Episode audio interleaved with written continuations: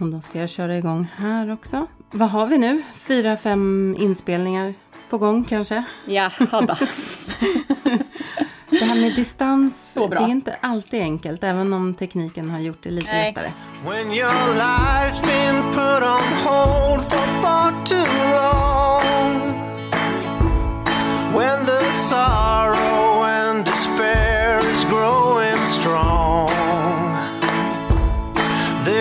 There is always something good to be obtained. From breaking loose and leave the things that kept you chained.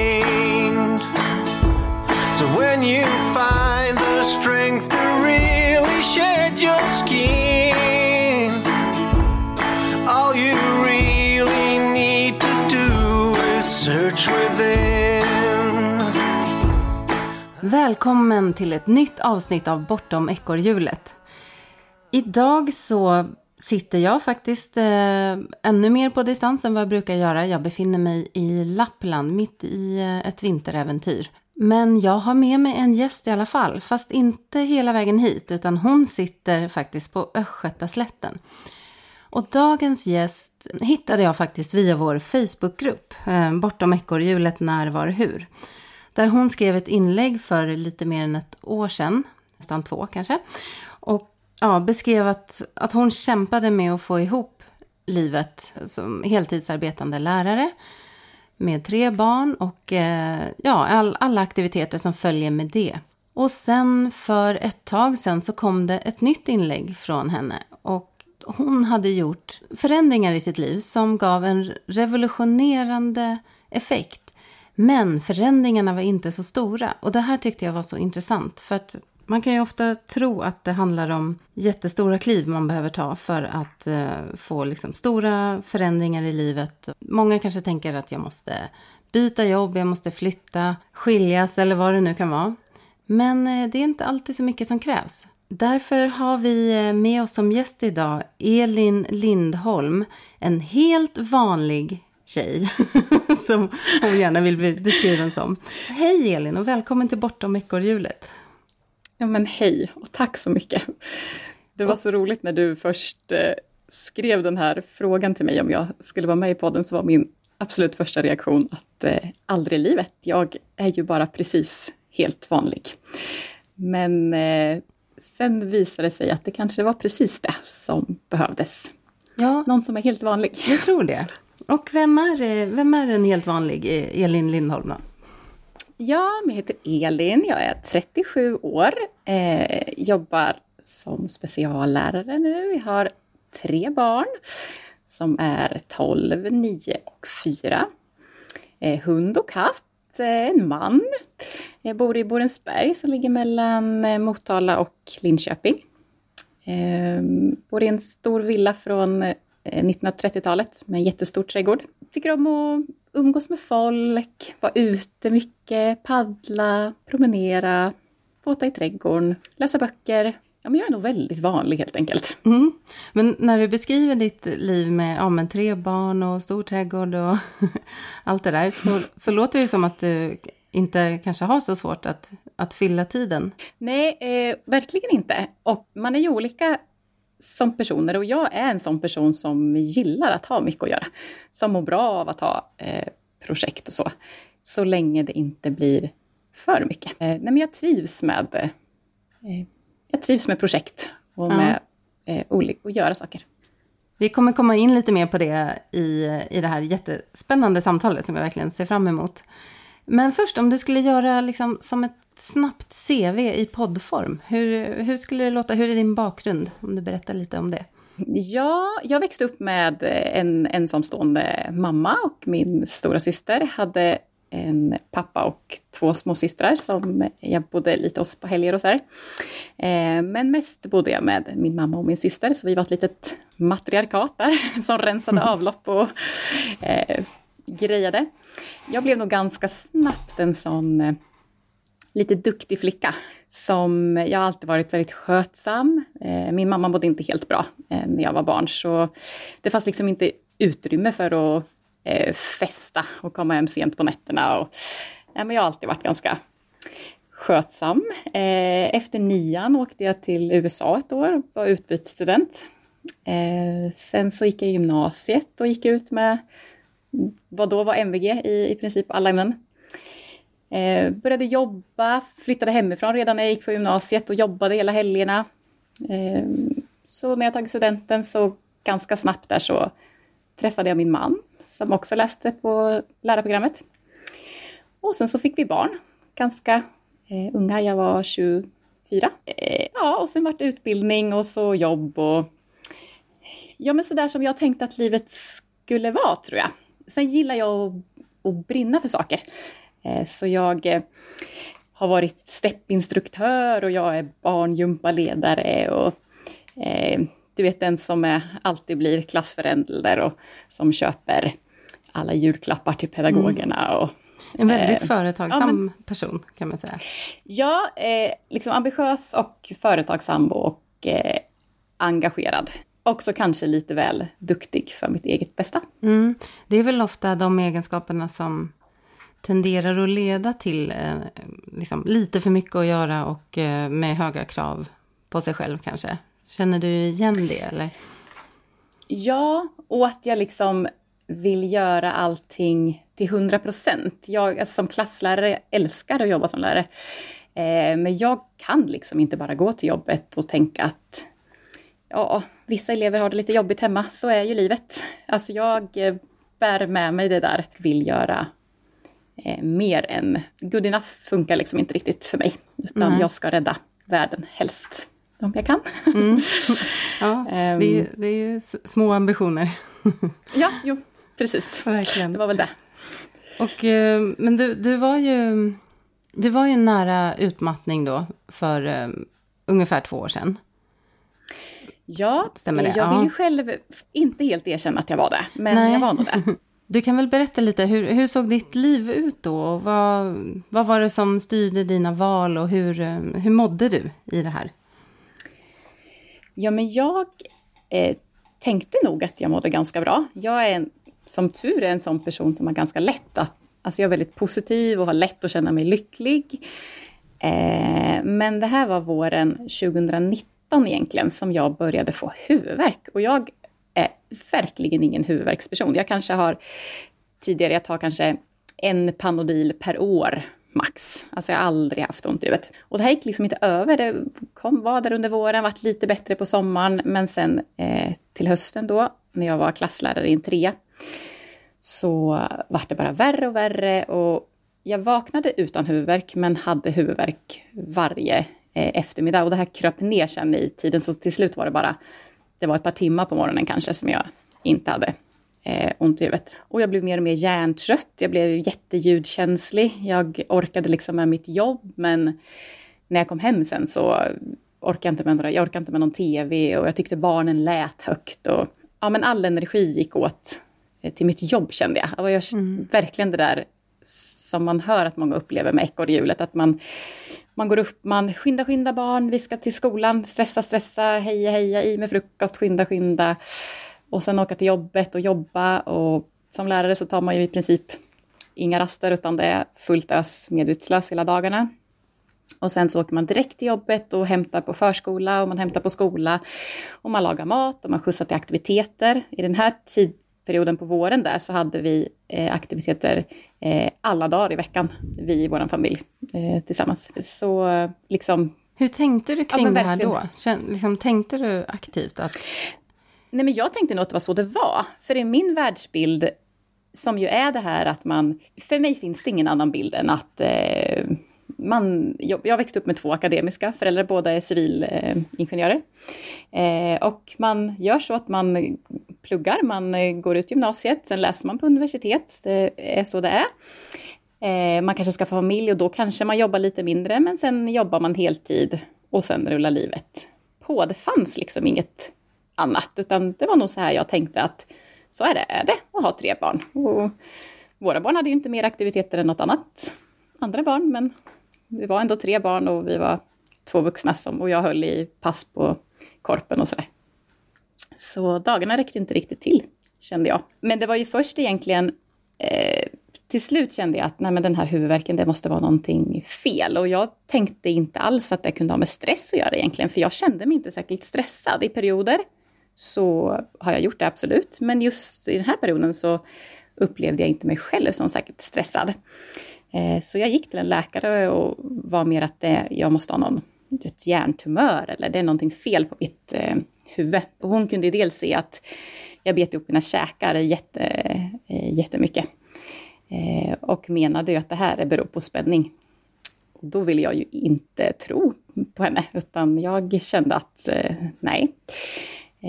Och hon var väldigt bra, hon hade själv gått in i väggen och var så att nej, men jag tycker nog att du ska vara sjukskriven. Och det för mig var det liksom, nej men det fanns inte på världskartan. Jag, jag är ingen sjukskriven person. Berätta mer om det. Vad, vad, vad, tror du den känslan är? Eller vad, vad, vad kom den ifrån? Ja, ja, det låter ju, jag kan just i efterhand tycka att det låter ju helt eh, galet, men, eh, nej, men jag kände att jag har ju alltid varit den, den starka, den som driver, den som håller hela trådar.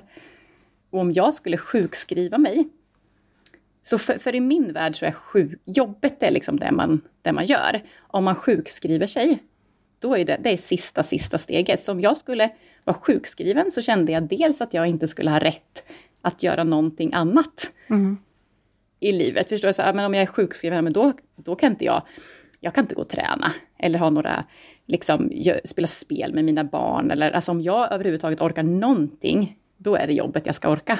Eh, vilket ju kanske inte så klokt eh, tänkt. Och den här läkaren frågade till och med mig att, men tycker du jag, jag har varit sjukskriven, sa hon, tycker du att jag är en sämre människa för det? Eh, och jag fick ju villigt erkänna att eh, ja, så mm. kände jag. Jag kände det att mm. nej, men om man inte orkar då är man ju inte lika bra. Och mycket av min eh, med självbild och så var ju som den här arbetande kvinnan på något sätt. Och det var ju då som jag första gången vände mig till den här fantastiska Facebookgruppen eh, Bortom ekorrhjulet. Eh, när jag då skrev att eh, alltså här känner jag, jag har ont i huvudet hela tiden, jag, jag vet inte vad jag ska göra liksom. Eh, men sjukskriva mig, det kan jag ju minsann inte göra. Och så fick jag så mycket kärlek från alla och pepp. Och, att, och många också som har varit inne i väggen och bara, men gå inte dit, stanna i tid liksom. Och det var väldigt mycket tack vare dem som jag några veckor senare sen gick tillbaka och grät till läkaren och bara okej, okay, gör det då. Men jag mm. vågade inte ens säga till min arbetsgivare själv det här, utan tvingade min läkare att ringa till min chef och säga att jag skulle bli sjukskriven. Ja. Jag kunde inte förmå mig att, att säga det. Nej, men jag, jag kan verkligen relatera till det. Jag tror att det är jättemånga eh, som har hamnat där, som, som känner samma sak. För det, det är ju en... Dels så kanske vi... Vi uppmuntras ju att vara duktiga. Och liksom, jobbet ja. är det viktigaste. Eh, för många. Alltså det är lite, ligger i kulturen att vi ska, vi ska liksom producera oss igenom livet ja. på något sätt. Men, eh, men det är ju väldigt modigt ändå att, att våga erkänna det och, och förstå att, att det är så. Jag ser och det på sen, det här sättet. Sen så får väl jag erkänna att jag eh, eh, ju inte hade något... Alltså jag hade så ont i huvudet till slut att jag, alltså, det går inte. Eh, jag skulle ljuga om jag sa att jag liksom blev klok och tog mitt förnuft till fånga och vågade vara sjukskriven, utan jag kände att det kommer inte gå. Sen eh, gick jag bara med på, jag var sjukskriven i två veckor, så det, det, var inte så att jag gjorde någon jättesjukskrivning här. Och sen så började jag jobba eh, mer och mer, först 25 procent och sen väldigt snabbt upp till 50. Mm. Och sen 75. Eh, så hela den här eh, perioden liksom från att jag började vara sjukskriven överhuvudtaget tills liksom, eh, att jag inte var sjukskriven alls var bara ett halvår. Så det var ingen lång period, men eh, eh det var nog nödvändigt och jag är så glad att jag drog i den där handbromsen innan mm. det gick Vad hände fel. under den där perioden då? Liksom, vad, landade du i någonting eller?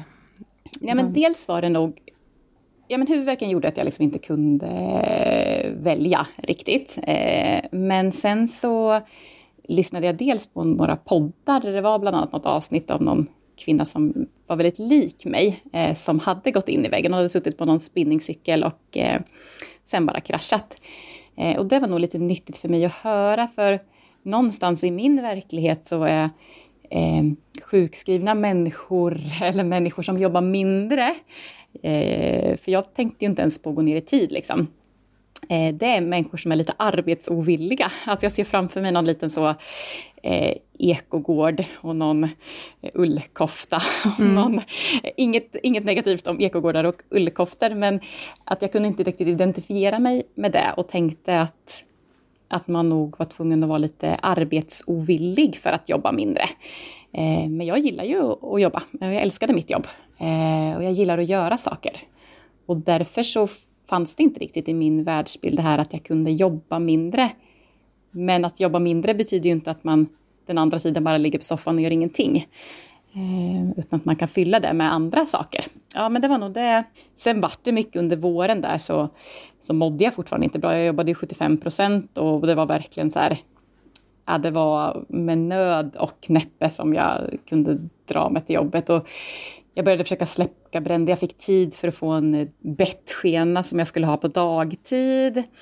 Eh, och jag skulle få eh, gå till någon stressterapeut och jag skulle, äh, men vi bara ryckte i allt möjligt så här. Tills att jag insåg att eh, statistiskt så eh, som lärare, som är ett yrke som har många utmattade och så, så skulle jag, om jag bara fortsatte att kämpa på så eh, skulle det inte gå bra. Och jag ville inte göra det helt enkelt. Så där vägde du över till Ja, och då kom det lag med liksom. sommarlov. Mm. Jag släppte min, eh, jag var klasslärare i en trea som jag släppte. Tanken var att jag skulle ta en ny klass, en etta, eh, vilket gjorde det lättare att liksom göra ett bryt där. Eh, och då tänkte jag först att när jag går ner i tid och kanske kan försöka jobba 75 eller något sånt, men det är jättesvårt att jobba som klasslärare eh, och ha det engagemanget och drivet som jag vill ha eh, och jobba mindre.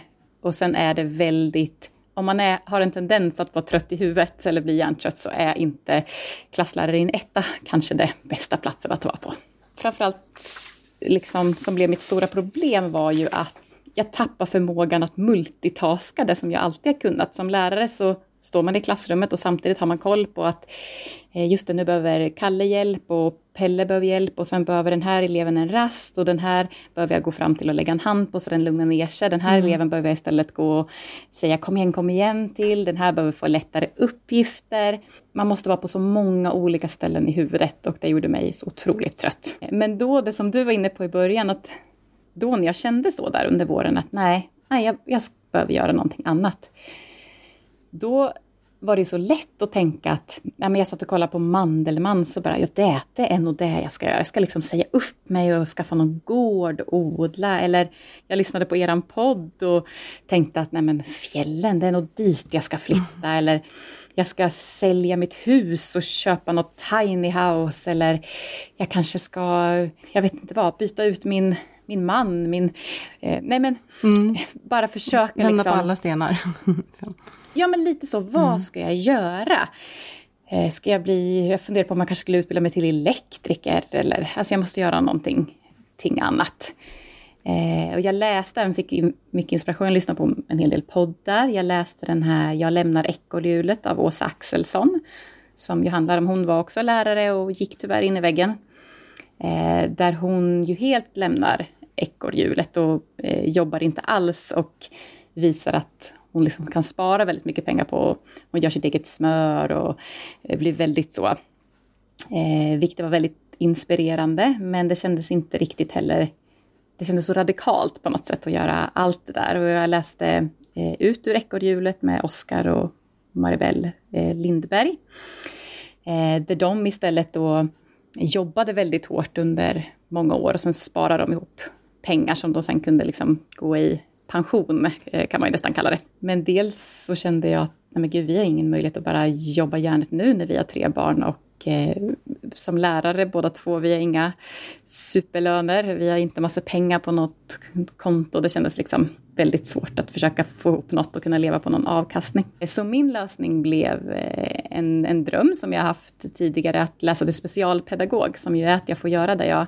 älskar att göra i lite man jobbar ju mer, man kan fokusera mer på en sak i taget. Eh, mm. Så det var ett val, både dels att jag tycker om att plugga, jag tycker om kunskap. Eh, det möjliggör då att jag, tänk, att jag skulle jobba halvtid och sen plugga halvtid. Och sen att jag tänker mer långsiktigt också att jag kommer inte hålla som klasslärare i 35 år till. Var det svårt att enkelt... tänka den tanken? Eller kändes det liksom eh, som att då föll det på plats? Ja, till en början var det ju det, mm. då när jag började må dåligt. Men under våren när jag liksom kände det där när jag de sista månaderna när jag bara släpade mig, liksom, eller släpa mig till jobbet ska jag inte säga, för jag, inte en enda gång vill jag inte gå till jobbet. Utan jag älskade att komma till jobbet, men mer släpade mig hem från jobbet mm. skulle jag säga. Eh, men det här steget var ju inte så långt, utan det var ju okej, okay, jag jobbar halvtid som lärare eh, och sen så pluggar jag halvtid till något som har med läraryrket att göra. Så det var inte ett så superstort steg. Eh, sen valde jag att säga upp mig från den tjänsten jag hade och ta ett jobb på en högstadieskola som ligger precis eh, där jag bor. Så det är en minut att gå till jobbet, vilket gjorde att vi kunde ha en bil mindre. För som lärare så får jag får ingenting betalt för min utbildning, utan jag har helt enkelt en halv, en halv lön. Eh, och sen så den här utbildningen bekostar jag helt själv. Och det är klart att det är inte alla förunnat att kunna göra så. Det är såklart en stor ekonomisk smäll. Men jag vill vara noga med att liksom poängtera att, att jag är lärare och min man är lärare. Vi har inga eh, topplöner, det är inte så att min man försörjer mig på något sätt, utan vi har helt enkelt löst det genom att eh, dra ner på så mycket vi bara kan med kostnader. Mm. Ja, det tror jag är eh. ändå viktigt att belysa, att det, det krävs ingen superkapital på ett sparkonto någonstans för att kunna Nej. göra förändringar, utan man, man kan göra vissa förändringar ändå. Sen tror jag det är viktigt, för jag tror den fällan som många kan hamna i, att man går ner till 80 procent säg. Eh, och den där tiden liksom äts upp. Dels kanske man inte får så mycket färre arbetsuppgifter. Eller också att så här, den där om man är ledig en dag i veckan eller så att man, ja men då passar jag på att storhandla, storstäda, storfixa. Att jaha, vad blev liksom vinsten med det då? Eh, att det faktiskt först nu när jag jobbar eh, halvtid som jag känner att det är en så otroligt stor skillnad. Och det som väl är hela poängen här är att jag känner, för nu har jag i åtta månader ungefär eh, jobbat eh, halvtid och pluggat halvtid. Och jag har också valt att göra så att jag jobbar lite varje dag. Eh, dels för att jag vet att mitt huvud kan bli trött av heldagar och då vill jag inte riskera det. Så mina dagar ser ut så att jag jobbar en halv dag och sen så brukar jag vet du, gå någon lång promenad eller paddla kajak eller göra någonting på, på det som är min lunch. Och sen så pluggar jag några timmar. Eh, men det kan jag, jag kan liksom plugga i en hängmatta eller plugga i, i gräset eller eh, mm. så. Men jag är fortfarande efter åtta månader lite i chock över hur otroligt bra jag mår. Alltså jag känner mig för första gången i livet, i alla fall för första gången sedan jag fick barn, som är 13 år sedan snart, att jag jag hinner alla delar av mitt liv. Jag hinner jobba som lärare och vara en engagerad lärare och orka brinna för det. Jag hinner lära mig nya saker och utvecklas i det. Jag hinner få till min egen träning. Jag hinner vara utomhus, vilket är någonting som jag känner är viktigare för mig än vad jag trodde, framförallt under vinterhalvåret. Alltså, jag som brukar tycka det är tungt med vintrarna, nu när jag är ute minst en timme om dagen i dagsljus, så den här vintern har varit så lätt så den bara tjup, jätteskillnad. Jag hinner liksom sätta guldkant på tillvaron. Jag hinner, hinner och orkar ska jag väl säga. Att jag kan grilla korv med mina barn efter skolan när de kommer hem. Eller vi kan krypa ner i soffan och se en film. Eller, eller bara göra ingenting. Det är inte så att jag måste göra någonting. Men jag, jag känner själv att jag väljer det. Inte att nu önskar jag att jag skulle orkat gjort något med mina barn. Men jag orkar inte. Utan jag eh, har själv valt vad jag vill göra med mitt liv. Eh, ja, jag, jag tror verkligen... att det är viktigt att poängtera just det där du säger. För det är lätt att hamna i, i fällan med de här så 80 procent. Att då ska du liksom hinna med allt det där som, som du ska göra hemma. Men att, att få en, ett större sjok av tid. Så att du faktiskt får återhämtningen. Och då kan den här kreativa lusten väckas igen. Och du har tid och ork att göra andra saker på bara en dag extra i veckan så är det ju inte alls säkert att du hinner med det. Alltså jag tänker också att när man tänker det här bortom ekorrhjulet som ju ändå är eh, det som jag tänker att många tänker på eftersom att de lyssnar på den här podden, så trodde jag nog att det var mycket, att det handlade mycket om vad man gör. Men egentligen handlar det ju enbart om hur man mår. Det handlar ju väldigt lite om vad du gör, eh, mm. utan det handlar om din känsla av det där ekorrhjulet. Eh, jag tycker det finns en bok som heter Kausologi som är skriven av Mikael Dahlén.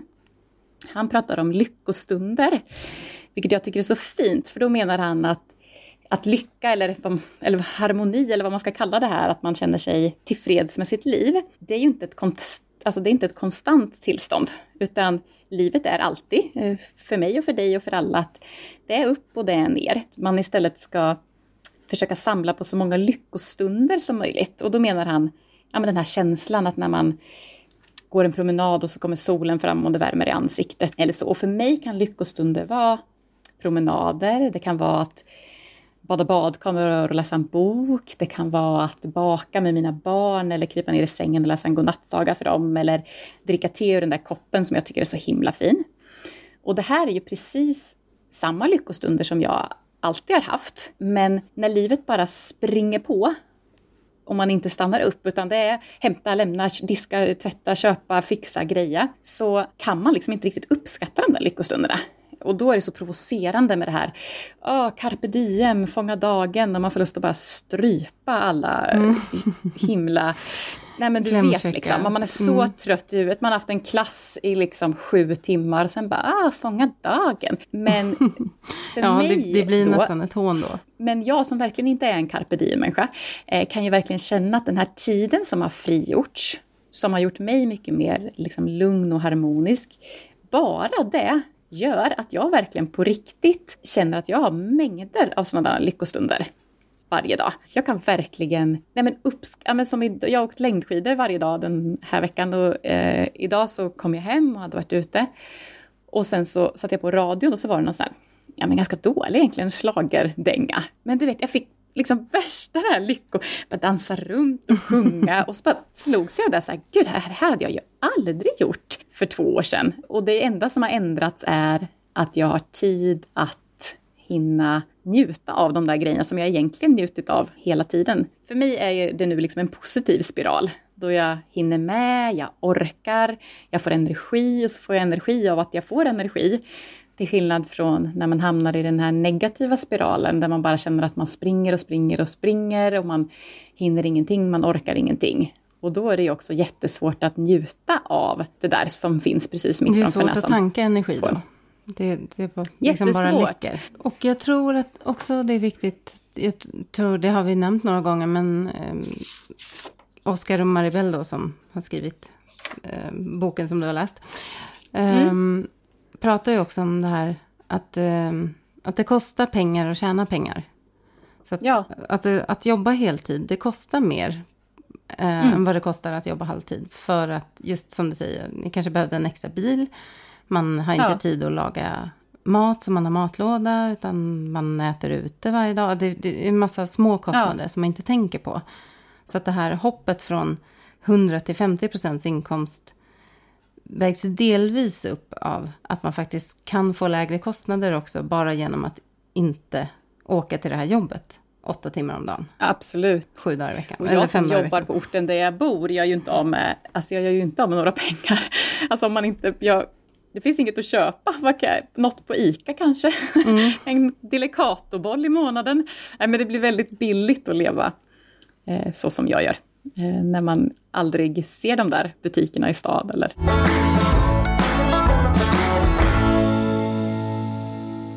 Det här med att få, få mer tid. Du pratade ju om att det gav dig mer energi och att du fick mer energi för att du fick mer energi och så vidare. Men eh, det ledde ju också till eh, att något annat väcktes hos dig. En liten, vad ska man säga, en ny karriär till och med. Ja, precis, till och med det, vilket ju inte alls var tanken från början. För det som hände var att när jag mådde som sämst där under eh, liksom hösten och så, när jag var så trött i huvudet att jag inte orkade med intryck. Gick det först ett par veckor och jag bara gjorde absolut ingenting. Ehm, jag kom hem och var med mina barn och sen bara eh, kraschade jag. Men när det hade gått några veckor så började det väckas lite det här att jaha, okej, okay, om man nu, eftersom jag var en duktig flicka så gjorde jag som läkaren sa, att nu ska du inte titta på telefon, du ska inte kolla på TV, du ska inte lyssna på poddar, du ska inte lyssna på radio, du ska inte se på TV. Och jag bara kände, vad ska jag göra då? Lite så. Så då var det jag kunde komma på som var den mest liksom, hjärnvilande aktiviteten för mig var att skriva eh, själv. För då hade jag inga yttring. Det var till och med liksom lättare än att läsa, för läsa är ändå intryck, men att skriva då är det bara mina tankar. Och jag har inte skrivit, jag älskade att skriva när jag var liten. Jag skrev dagbok i, från jag var 8 till jag var 20 och jag skrev mycket berättelser och så. Men jag har inte skrivit en berättelse sedan jag gick ut femman, tror jag. Men jag började helt enkelt att skriva eh, på en berättelse och det var eh, så lätt och det var så härligt och det var så skönt. Och eh, till slut, eller till slut, det tog egentligen bara ett par veckor, så blev det en, en bok som jag läste för mina barn. En bok för 9 till 12 åringar ungefär. Eh, och de tyckte att den var jättebra. Sen kände jag att det är mina barn, vad ska de tycka stackarna? Eh, men eh, Eh, så gjorde jag faktiskt så att jag lät eh, några elever på min skola läsa den. När de inte hade någon bok så var det så här, prova läs det här då, för jag hade skrivit ut den. Och då innan jul där så var det en kille som jag hade när han gick i ettan, men sen inte hade, han gick i femman nu. Och jag kände själv att han var sån här lite lite kräsen. Eh, lite, en sån som vågade säga, som inte bara skulle svara att ah, det här är bra. Eh, och så han kom springande och bara, gud, jag kunde inte sluta läsa. Det var så spännande. Oj, oj, oj, den här måste ju du skicka in till ett bokförlag. Gud vad häftigt. Och då, ja, men då var min kommentar så här, du vet väl om att bara en promille av alla böcker som skickas in, alltså en lång sån här, inte kan väl jag, du vet, nej, jag är minsann ingen författare utan det, här, en helt vanlig det går tjej. inte att få böcker publicerade. Och, ja, men så. Ja. Och sen när jag stod och sa det så kände jag att, nej men gud vad säger jag? Det är det här jag jobbar med hela dagarna, att peppa elever. Att det är klart du kan bli vad du vill och tro på dig själv. Och så står jag och säger liksom raka motsatsen till mig själv. Så vi, jag tror det var 26 december eller någonting, så nej men jag skickar väl in den här då. På liksom, ja, det var väl inget mer med det. Det var jätteenkelt att skicka in nu för tiden. Jag hade inte heller någon koll på bokförlag. Så min, det här är lite pinsamt att säga nästan, men jag gick alltså in på, eh, på Bokus och eh, kollade på ungdomsböcker och eh, såg de, först, de typ sju största eh, barnboksförlagen som fanns och de skickade jag till. Och sen dröjde det bara någon månad, en och en halv, och sen så fick jag eh, faktiskt två bokförlag som ville ge ut den här boken. Det är helt otroligt. Eh, det är så häftigt. Jätteroligt och jätteläskigt och häftigt mm. och sådär. Ja, så då blev det ett bokkontrakt och ganska snart så gick det väldigt bra för den här boken. Det är en, genren är att det är en bok som är verkligen spännande eh, med många cliffhangers och högt tempo.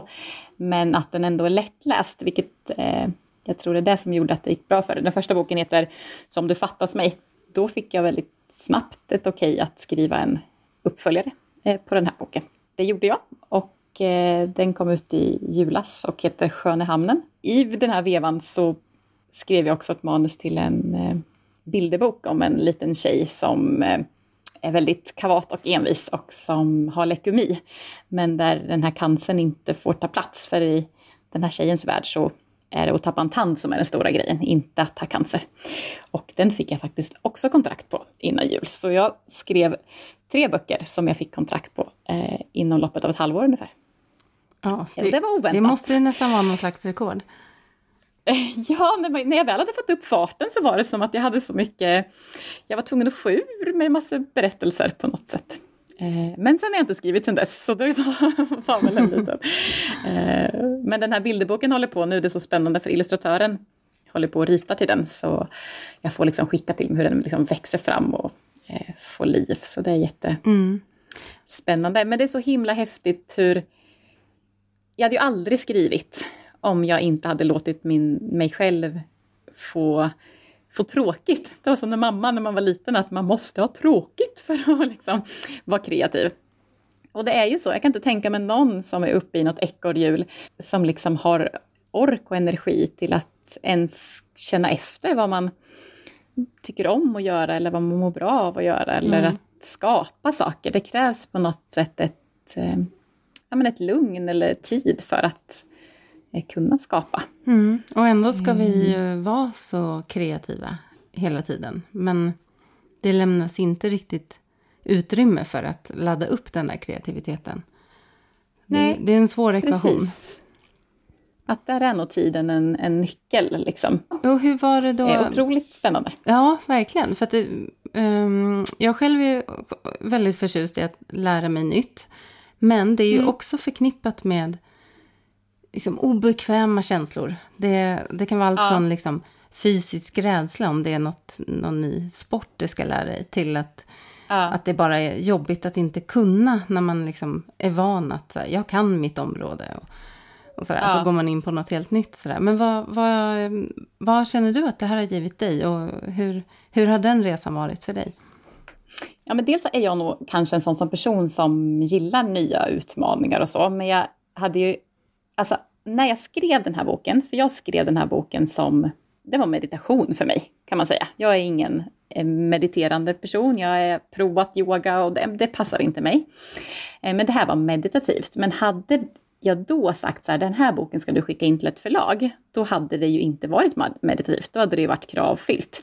Så den första boken skrev jag helt utan krav. Jag hade verkligen inte en tanke på att jag skulle skicka in den till ett bokförlag, för då hade jag inte skrivit den. Nästa bok vart ju på ett helt annat sätt. Mm. Då, för dels den här boken hade kommit ut, den hade fått eh, jättebra recensioner, den fick en fyra i betyg av eh, de här BTJ som är de liksom viktiga i bokvärlden lärde jag mig. Eh, och det betyder mycket bra. Jättesvårt att få, de ger ofta mycket lägre betyg. Så på nästa kände jag ju, nej men gud. Eh, jag kände verkligen att ska jag ge ut en bok så vill jag att den ska vara bra. Jag ger hellre inte ut något alls än att ge ut något som inte är bra.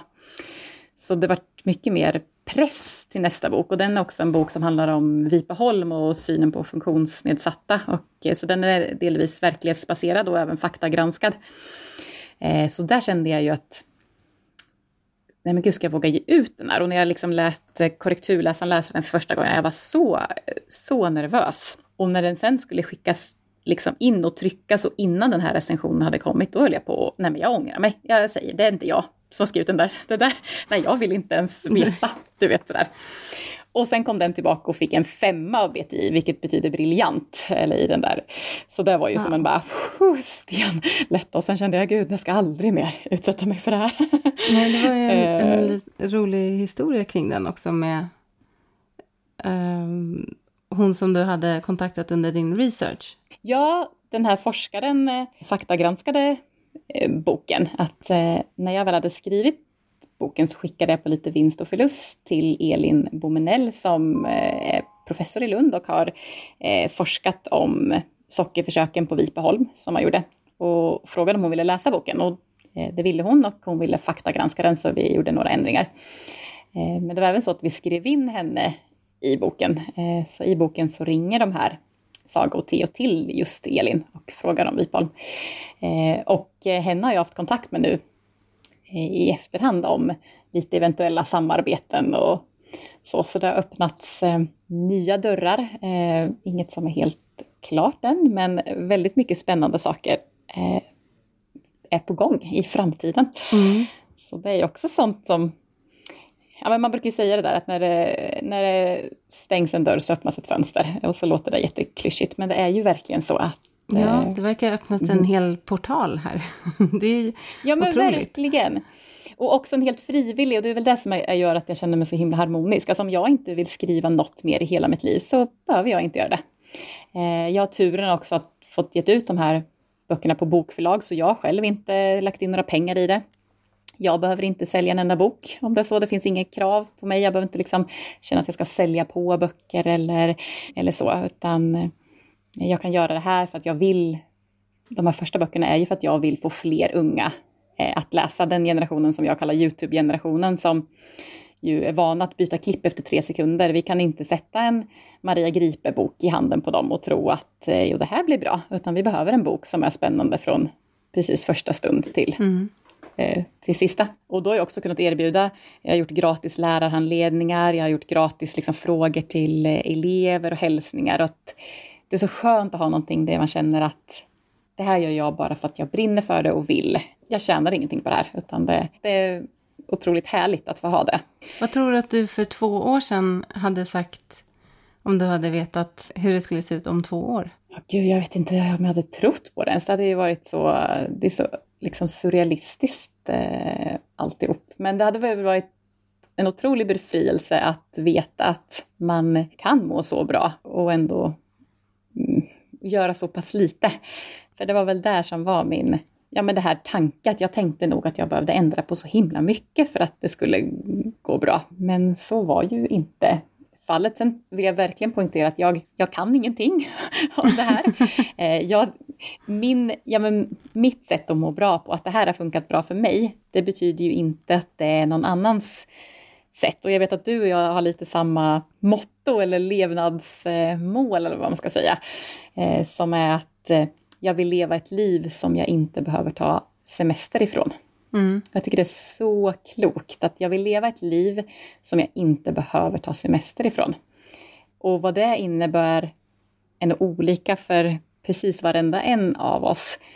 Men jag tror att väldigt många känner att man liksom står ut med vardagen och sen lever man för helgen som man då har så höga förväntningar på att det inte alls kanske blir så där härligt som man tänkte sig och fredagsmyset blir mest syskonbråk och man lever för den här semestern som kanske regnade bort. Och, mm, det blir sårbart.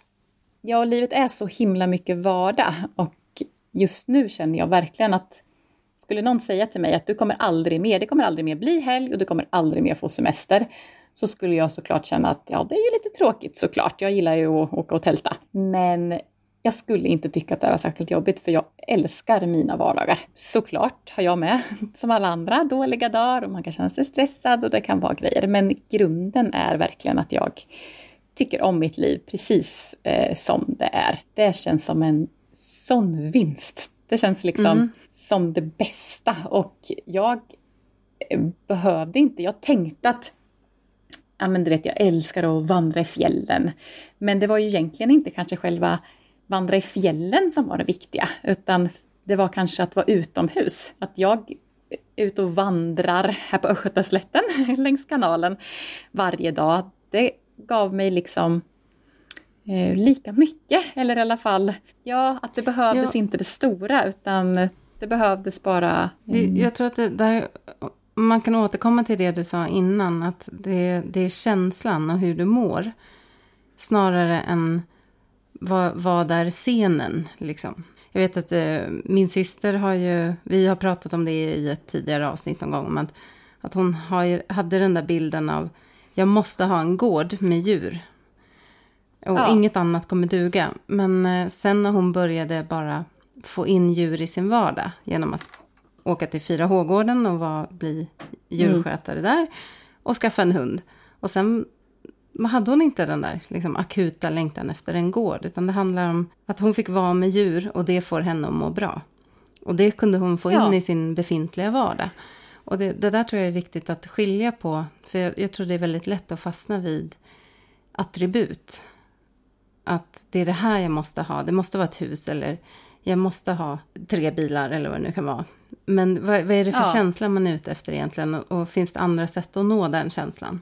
Ja, och jag tror om jag ska liksom försöka ge något råd, vilket ju egentligen eh, är svårt eftersom att alla är olika, men om jag tänker att man lyssnar på det här och så känner man så här, nej men gud, jag är fast i det där ekorrhjulet, så skulle jag nog säga att det första steget är att försök att frigöra tid till, som du inte proppar fullt med massor annat, utan bara tid till att känna efter, skriva en lista om man gillar det, jag är en listperson. Att vad får mig att må bra? Eh, och den tiden kan ju vara att om man är ensamstående, det kan vara att man tar barnvakt en kväll eller en helg och bara är någonstans utan telefoner och utan massor intryck, utan låta sig själv ha lite långtråkigt. Låta sig själv få verkligen tid att tänka, vad mår jag bra av? Och då om man tänker att man är sådär, ja men jag älskar ju att eh, odla eller åka skidor eller alltså lite saker som man tänker att det är lite större grejer. Så om man liksom först kommer på vad man vill och sen på något sätt kanske försöker frigöra, ja men gå ner något i tid eller på något sätt försöka frigöra lite tid och göra lite mer av det där som sätter guldkant på din tillvaro så tror jag att man som sagt behöver inte odla Mandelmans gård utan man kan ha en pallkrage och känna sig ganska lycklig med det också. Jag har till exempel börjat baka. Jag som avskyr att baka för det blir så himla mycket disk, tänker jag. Eh, men bara det här jag bakar ganska ofta såna kalljästa frallor så vi har nybakat bröd till frukost och bara det och veta att imorgon kan jag och mina barn äta nybakat bröd till frukost. Ja, men göra det där lilla extra liksom. Mm. Eh, sen vill jag också verkligen trycka på, för det här är ju liksom nu jag mår bra, jag kan sätta guldkant på min vardag. Jag tänker också att om man känner att man är nära, alltså att man är hjärntrött eller man är nära någon slags utmattning och sånt, så tror jag att det är jätteviktigt att man bara plockar bort och inte lägger till någonting. För det var ju under flera månader som jag bara plockade bort och gjorde ingenting. Att man inte ska tänka att nu ska jag ta bort tid och då ska jag odla och åka längdskidor och gå promenader mm. och jag ska liksom trycka in så mycket som möjligt. man måste ja, men låta hjärnan bli liksom, man måste ta bort så pass mycket intryck och sånt att hjärnan blir liksom sugen på att man ligger där och bara, nej men nu är jag så sugen på att börja sätta frön i marken. Eh, liksom orka vänta ut det suget på något sätt. Sen när det handlar om tid, som jag ju tycker som småbarnsförälder är Eh, är ju nyckeln just där att man känner att vi har ingen tid. Vi ändra, gjorde även andra ändringar, att vi till exempel bestämde att vi var tvungna att ha två kvällar i veckan som var helt fria, där ingen hade någon aktivitet. För vi insåg ju att vi älskar att göra grejer som familj. Vi vill kunna spela kubb i trädgården efter skolan eller vi vill kunna eh, åka ut med vår lilla motorbåt eller vi vill åka och bada. Eh, det fanns ju ingen tid till det när det var aktiviteter varje dag så vi drog ner på det. Barnen fick inte ha hur mycket aktiviteter som helst och inte vi heller. Vi blev bättre på att förbereda veckans mat. Man kan ju nästan få till hela veckans mat på söndagen om man bara är lite lite duktig och det är helt okej okay att äta havregrynsgröt en gång i veckan. Vi äter ofta yoghurt eller nudlar. Alltså, det behövs inte. Om det nu gör att jag och mina barn kan eh, bada från klockan liksom två till klockan sex en vardag, så eh, är det helt okej. Okay. Eh, vi införde också städkvart, vilket var lite revolutionerande för våra, i våra liv, vilket också låter helt eh, banalt, men som innebar den här känslan man som förälder ofta har annars att jag plockar och plockar och plockar och plockar och det tar aldrig slut. Eh, den struntade vi i utan vi lät det vara stökigt och sen efter vi hade ätit så satte vi en timer på en kvart och alla i familjen hjälptes åt att städa en kvart. Och det kunde vara olika uppdrag, att vi sa att till det här barnet, du ska börja med att städa ditt rum och när du är klar med det ska du göra det här. Och man hinner otroligt mycket på en kvart. Eh, alltså man hinner få ett helt hus superfint och till och med så att oj, nu, ja, jag städade ju så fint igår på min städkvart så nu har jag massa tid över och då har det både eh, liksom rensats i eh, kryddlådan och eh, hjälpts till med att rensa lådor och förråd och det låter som ett bra lifehack. Det har verkligen funkat bra för oss. För jag tänker just med tid, det jag ville komma med det är att jag vet som i tråden jag skrev så var det ju många som skrev att ja, men jag är ensamstående, jag har verkligen inte råd, hur ska jag göra? Och jag liksom förstår deras den här frustrationen och det kanske är så, man har inte råd att gå ner en endaste liksom, minut i tid. Eh, men kanske att man då kan använda lite sådana eh, liksom lifehacks eh, för att försöka på något sätt ändå frigöra eh, tid eh, mm. så att man kan få, få en liten paus ändå. Ja, det kan vara bra att skärskåda alla måsten och borden och se vilka som faktiskt verkligen är måsten och borden. Att det går att plocka bort saker som vid första anblicken kanske man inte tänker att det gör det. Men... Väldigt många saker som man tänker att man eh, måste är ju egentligen eh, att man vill. Alltså man säger så här, jag, ja vi måste klippa gräset. Ja vi måste, eh, nej du måste inte klippa gräset. Det är ingen som har dött av ett långt gräs. Eh, du vill klippa gräset och du kanske väljer att prioritera det. Men det tror jag med att bara genom att byta ut ordet måste till jag skulle önska det här eller jag, jag vill det här eh, så, så får man en annan känsla av det. Att det blir inte lika kravfyllt. Liksom. Nej, som vår eh, gäst från i somras, eh, Anna Kleinwich Magnusson heter hon, sa ju ja, att hon hade mm. en att inte göra-lista. Ja. Och det kan ju vara minst lika bra som en att göra en lista faktiskt. att verkligen Ja, och ut. att man också planerar att man planerar in för vila. Alltså att man på den där listan när man har så här diska, städa, vila. Eh, och det är någonting, jag är ju en riktig listmänniska. Och jag nu som, när mitt liv blir friare, som det gör, studera är ju ändå ganska fritt, man kan välja hur och var och man vill göra. Så är ju jag en sån som ofta sätter en timer. Som har så här att okej, nu kommer jag hem och nu så sätter jag en timer på en halvtimme och nu så städar jag en halvtimme eller nu diskar jag eller jag håller på med tvätten en halvtimme och sen så sätter jag eh, okej, sen går jag en promenad en timme eller så, sen nu ska jag plugga i en timme. Och sen att man liksom, för annars tar det ju aldrig slut. Man kan ju plocka hur länge som helst, du vet man börjar städa och, och den här och köksluckorna är skitiga och eh, det är så lätt att gå ifrån med känslan att jag blir aldrig klar. Men om jag mera satt en tid, att nu pluggar jag, jag pluggar allt vad jag har liksom den här tiden. Eh, och när tiden är slut, då är jag nöjd med det. Då har jag pluggat så som jag tänkte. Eller likadant med USA, jag har fått göra i perioder när jag har känt att det är så mycket som pockar på ens uppmärksamhet när man ska vara med sina barn. Att man sitter där på golvet och leker med bilar och så ser man så här, men gud vad dammigt det är under soffan. Eller åh, där ligger ju en strumpa. Eller att man liksom hoppar upp hela tiden, man är inte närvarande. Eh, Då har jag också satt en timer. Att nu ska jag i 20 minuter sitta här och leka med mitt barn och jag får inte kolla på någon telefon eller hoppa efter den där strumpan eller göra... Att liksom viga tiden till det man gör och göra det man gör med odelad uppmärksamhet. Det har också varit en sånt knep för mig.